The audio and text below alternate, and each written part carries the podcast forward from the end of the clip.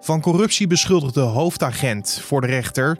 De laatste dag van de Republikeinse partijconventie met een grote speech van Trump. En vanmiddag debatteert de Amsterdamse politiek over het aantal geweldsincidenten in de stad. En over maatregelen die genomen kunnen worden tegen wapenbezit.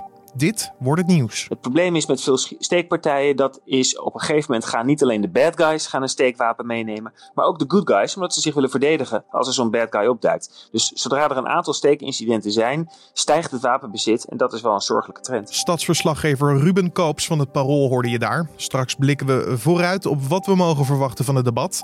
Maar eerst kijken we kort naar het belangrijkste nieuws van nu. Mijn naam is Carne van der Brink en het is vandaag donderdag 27 augustus. De dader van de aanslag op twee moskeeën in het Nieuw-Zeelandse Christchurch is veroordeeld tot een levenslange gevangenisstraf, zonder kans op vervoegde vrijlating. Bij de aanvallen op 15 maart 2019 werden 51 mensen gedood. Dat de 29-jarige rechtsextremist uit Australië schuldig is bevonden, komt niet als een verrassing. Hij gaf eerder al toe schuldig te zijn aan 51 moorden, 40 pogingen tot moord en het plegen van een terroristisch misdrijf. Tijdens de rechtszaak toonde de schutter geen brouw. De man heeft verklaard alleen spijt te hebben dat hij niet meer personen heeft gedood. Al dus de hoofdaanklager. Het Amerikaanse ministerie van Justitie heeft bekendgemaakt dat het een federaal onderzoek heeft geopend naar het neerschieten van de zwarte Amerikaan Jacob Blake afgelopen zondag.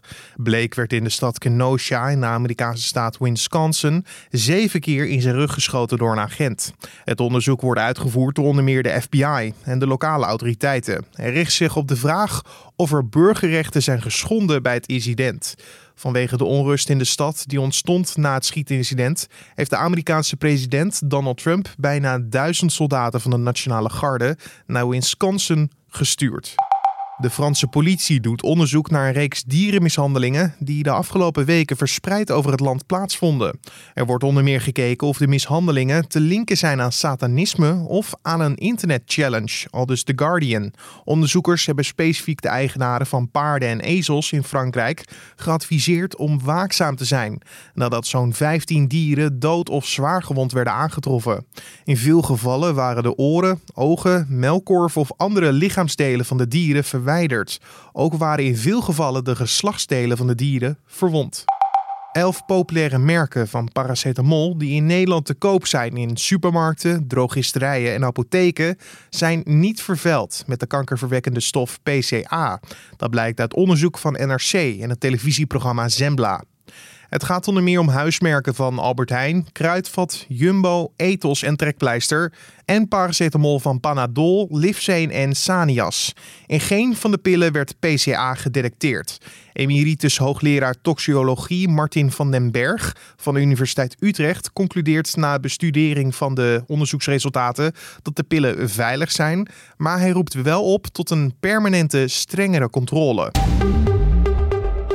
En dan het hoofdonderwerp voor vandaag. Niemand zal het nieuws van Bas van Wijk hebben gemist. Hij werd op klaarlichte dag aan een stadstrand op de rand van Amsterdam doodgeschoten. Wij hebben er uitgebreid over geschreven op nu.nl. Deze week werd nog tweemaal binnen een dag een persoon onder vuur genomen in dezelfde straat in Amsterdam. Deze delicten volgen elkaar snel op, waardoor het misschien lijkt alsof we te maken hebben met een extreem jaar in Amsterdam qua geweld. Dat ligt echter iets genuanceerder. Vandaag debatteert de Amsterdamse politiek in ieder geval over de aanpak en bijbehorende maatregelen die genomen kunnen of moeten worden tegen het geweld.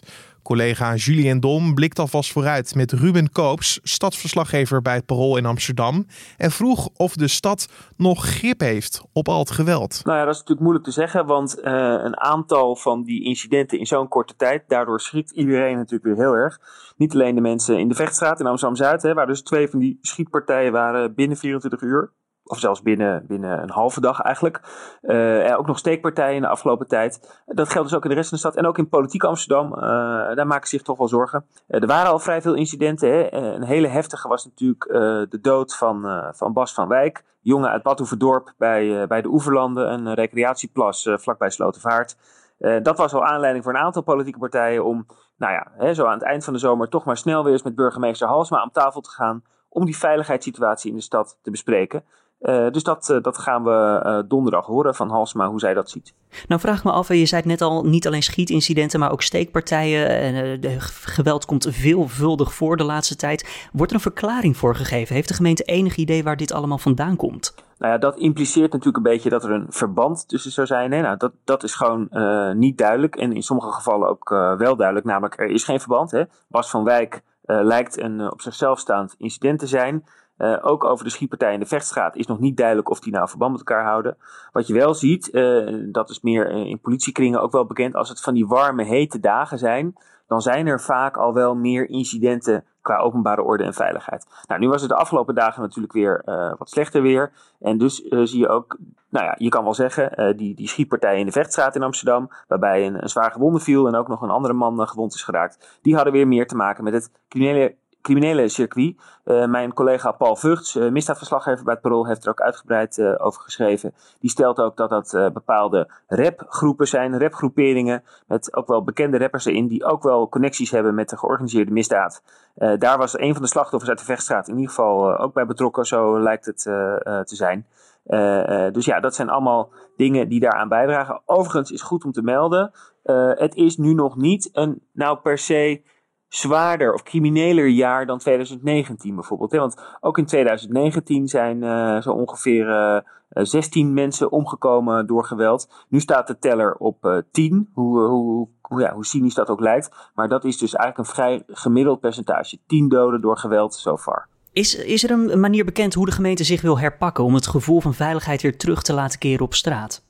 Nou ja, dat is een interessante vraag, want bijvoorbeeld als je kijkt naar de situatie rond de dood van Bas van Wijk, die jongen die dus is uh, hè, neergeschoten, waarschijnlijk bij een mislukte beroving aan de oeverlanden. Ja, hij probeerde uh, een horloge van een van zijn vrienden naar, ja, volgens de verhalen hè, te beschermen. Probeerde daartussen, precies, probeerde daartussen te springen. Daar is een, inmiddels uh, een verdachte voor opgepakt. Die verdachte die heeft bekend te hebben geschoten en die heeft aangewezen waar de buit en het moordwapen lagen.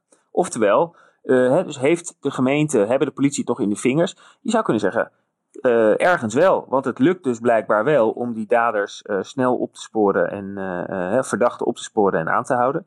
Aan de andere kant, het is ook wel heel gek hè, dat dus die, die, die groepen zoals die waar de schietpartijen op de vechtstraat mee te maken hebben, dat die groepen nog steeds actief kunnen zijn, terwijl er ook al een aantal leden daarvan in de cel zitten. Hè. Dus die, die georganiseerde misdaad is in die zin dus nog niet de kop ingedrukt. Het is ook een grote stad. Het is dus maar de vraag of dat ooit lukt. Hè. Of je ooit op nul geweldsdoden kan uitkomen. Want wonen hier veel mensen dicht op elkaar. Elke grote stad ter wereld, ook andere grote steden in Nederland, hebben te maken met geweld door criminelen. Hebben te maken met geweld door jongere groepen. Uh, dus dat is een, een dubbelbeeld. Aan de ene kant is wel succes in de opsporing. Maar aan de andere kant toch ook wel weer van die, ja, echt van die geweldserupties die iedereen wel doen, doen schrikken. Verder lees ik dat een oude discussie ook weer opleidt. En dan hebben we het over preventief fouilleren. Wat weet jij van de stand van zaken daarover? Nou, absoluut. Uh, preventief fouilleren is eigenlijk al een heet hangijzer in Amsterdam uh, een heel aantal jaar. Vroeger gebeurde het wel in Amsterdam, maar in de tijd van oud-burgemeester Van der Laan is er van afgezien. Waarom? Allereerst omdat uh, er vaak uh, discriminatie, namelijk etnisch profileren, om de hoek komt kijken. Hè? Dus dat impliceert dat mensen van kleur vaker worden aangehouden en preventief worden gefouilleerd dan witte mensen. en dat is een, een, een, discriminerende tendens en daar wil de Amsterdamse politiek niet aan. Daarnaast staat ook de opbrengst van die acties wel onder druk. Hè? Dus ze vinden gemiddeld zo'n 25 wapens, meestal steekwapens, per duizend fouilleeracties. Dus dat, dat is in, politie, uh, in, in, politiekringen is dat een vrij beperkte opbrengst. Maar daar zijn ook voorstanders van. En onder die voorstanders zat eerder dit jaar ook burgemeester Halsma. Die had zich aangesloten bij politiecommissaris Frank Pauw. Zo van, er is veel steekgeweld de laatste tijd, vooral vanuit die drillrap-groepen. Uh, en die drillrappers, die kun je ook bang maken. Je kunt ze bang maken door in het vooruitzicht te stellen dat er preventief fouilleren plaatsvindt. Ergens in de stadsdelen, ergens in de stad. En dat je dus een mes op zak loopt en je wordt gepakt. Ja, dat is een afschrikwekkende werking. Hè? Dus de gedachte was, als die jongens nou weten dat er preventief gefouilleerd wordt, dan gaan ze dat mes niet meenemen. En dan kan het geweld dus ook niet escaleren. Dus daarom was eigenlijk burgemeester Halsma om. Maar, maar heeft Halsma dan ook een manier gevonden om ja, ervoor te zorgen dat er niet weer etnisch geprofileerd wordt? Want daar, daar waar eerst een probleem over werd gemaakt, dat lijkt dan terug te komen als je toch weer gaat preventief fouilleren. Nou ja, de, samen met de politie waren er in, inderdaad ideeën om dat etnisch profileren terug te dringen. Bijvoorbeeld door elke derde persoon die passeert aan te houden. Of elke vijfde auto die passeert. Hè, dus een soort mechanismes in te bouwen. Waardoor je niet meer willekeurig iemand uitkiest op basis van uiterlijke kenmerken, maar gewoon puur op basis van toeval, hè, hoe vaak iemand langskomt. Dus dat zat er wel in. Maar toch was de gemeenteraad in Amsterdam uh, niet overtuigd. Amsterdam is een linkse stad, heeft een uh, progressieve meerderheid in de gemeenteraad.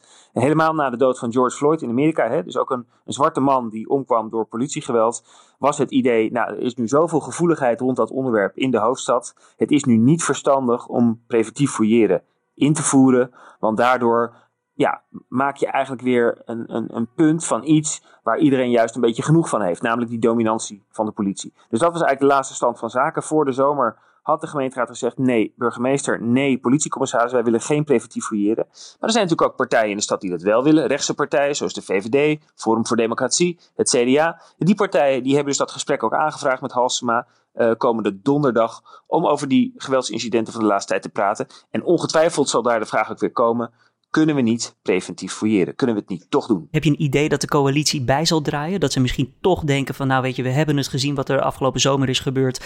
Misschien moeten we erover denken? Nou, dat zou op zich ergens wel kunnen. Op zich is er nu nog wel een solide meerderheid tegen preventief fouilleren. Maar je ziet bijvoorbeeld dat partijen als de SP en de PvdA het wel heel belangrijk vinden dat er ook met de bewoners wordt gesproken. Hè? Dus wat vinden bewoners nou eigenlijk? Is het nou zo dat iedereen in bijvoorbeeld uh, de Belmer of in Slotervaart daarop tegen is? Of zijn daar toch ook wel geluiden mensen zeggen: Weet je, onze jongeren worden geraakt door dit geweld. Het zijn onze kinderen die hierdoor gewond raken of overlijden. Laten we het gewoon proberen. die geluiden zijn er ook. De partijen die ik net noemde, PvdA en SP, willen dat die uh, geluiden serieus worden genomen. Willen dus dat de gemeente in gesprek gaat met de bewoners van die wijken waar het plaatsvindt. Om eens te kijken hoe zij erover denken. Als daar nou een beeld uitkomt dat er eigenlijk uh, ook wel een grote wens is tot preventief dan kan het zijn dat die partijen bijdragen. Dat ze zeggen laten we ermee experimenteren, laten we gaan kijken of het misschien werkt. Nou, we zullen dus donderdag tijdens het debat horen hoe die partijen na de nieuwste geweldsincidenten daarin staan en of daar inderdaad een verandering van hun standpunt aan zit te komen. Ja, dan vraag ik me ook af, van, als we dan nu kijken naar de coalitie, sturen zij nou aan op eigenlijk een hardere aanpak van de daders of juist meer een soort voorkomende aanpak van criminaliteit? Kan je daar iets over zeggen? Nou, dat is natuurlijk moeilijk, want een aanpak van daders dat gaat via het strafrecht. En het strafrecht wordt altijd via de Tweede Kamer en via de minister van Justitie uh, bepaald. Uh, een gemeente kan eigenlijk alleen maar in de preventieve sfeer dingen doen. Hè? Uh, preventief fouilleren is daar één van, maar bijvoorbeeld er zullen ook wapeninleveracties komen, zei burgemeester Halsema deze week op de radio. dus dat zijn plekken waar je zonder dat je gestraft wordt dan uh, wapens die in de omgeving uh, beschikbaar zijn kunt, uh, kunt inleveren. Hè, er wordt op scholen meer aandacht aan gegeven. Er wordt gewerkt met influencers, rappers en sociale media sterren om jongeren te bereiken en ze op het hart te drukken om toch niet mee te doen met die geweldsgolf. Maar ja, dat is natuurlijk ook heel moeilijk. Hè? Politiecommissaris Frank Pauw zegt dat ook altijd. Het probleem is met veel steekpartijen, dat is op een gegeven moment gaan niet alleen de bad guys gaan een steekwapen meenemen, maar ook de good guys, omdat ze zich willen verdedigen als er zo'n bad guy opduikt. Dus zodra er een aantal steekincidenten zijn, stijgt het wapenbezit en dat is wel een zorgelijke trend. Dat was mijn collega Julien Dom in gesprek met Ruben Koops, stadverslaggever bij Parool. Hij volgt vandaag de raadscommissie die rond half twee start. En wil je op de hoogte blijven van wat daar besproken wordt, dan kan je hem natuurlijk volgen via Ruben Koops op Twitter. Dan kijken we nog even wat er verder op de agenda voor vandaag staat. De 30-jarige Rotterdamse hoofdagent die begin mei werd gearresteerd voor drugsbezit en corruptie staat vandaag voor de rechter. Volgens het Openbaar Ministerie lekte de verdachte zeker één keer vertrouwelijke informatie uit politiesystemen. Hij ontkent dat gedaan te hebben. Daarnaast zou hij tijdens zijn aanhouding grote hoeveelheden drugs bij zich hebben gehad. De advocaat van de verdachte zegt dat het ging om een gebruikershoeveelheid cocaïne. De Republikeinse Partij in de Verenigde Staten houdt vandaag de laatste dag van de landelijke partijconventie. President Donald Trump accepteert in een toespraak formeel de nominatie van zijn partij, hoewel Trump dat eigenlijk maandag al deed met een onaangekondigde speech. De president spreekt vanavond vanaf het gazon van het Witte Huis. Het is voor het eerst in de moderne geschiedenis dat een zittende president zijn ambtswoning op zo'n manier gebruikt tijdens een verkiezingscampagne. Dat is niet goed gevallen bij critici. En dan het weer. Vandaag is het rustig qua weerbeeld. Enige tijd lang schijnt de zon. Wel kan er lokaal een bui vallen. In de loop van de middag en in de avond neemt vanuit het zuidwesten het aantal buien flink toe. Het wordt 19 tot 22 graden. En na donderdag is het weer wisselvallig met regelmatig regen of buien. De gemiddelde temperatuur ligt dan rond of iets beneden normaal. En vanaf zondag neemt de kans op neerslag af. En om af te sluiten nog even dit. Een treinreis naar Berlijn of Brussel duurt vanaf 2024 een half uur minder lang. Aanstaand NS-topvrouw Marjan Rintel maakte dat in het AD bekend dat er op beide trajecten nieuwe treinen gaan rijden.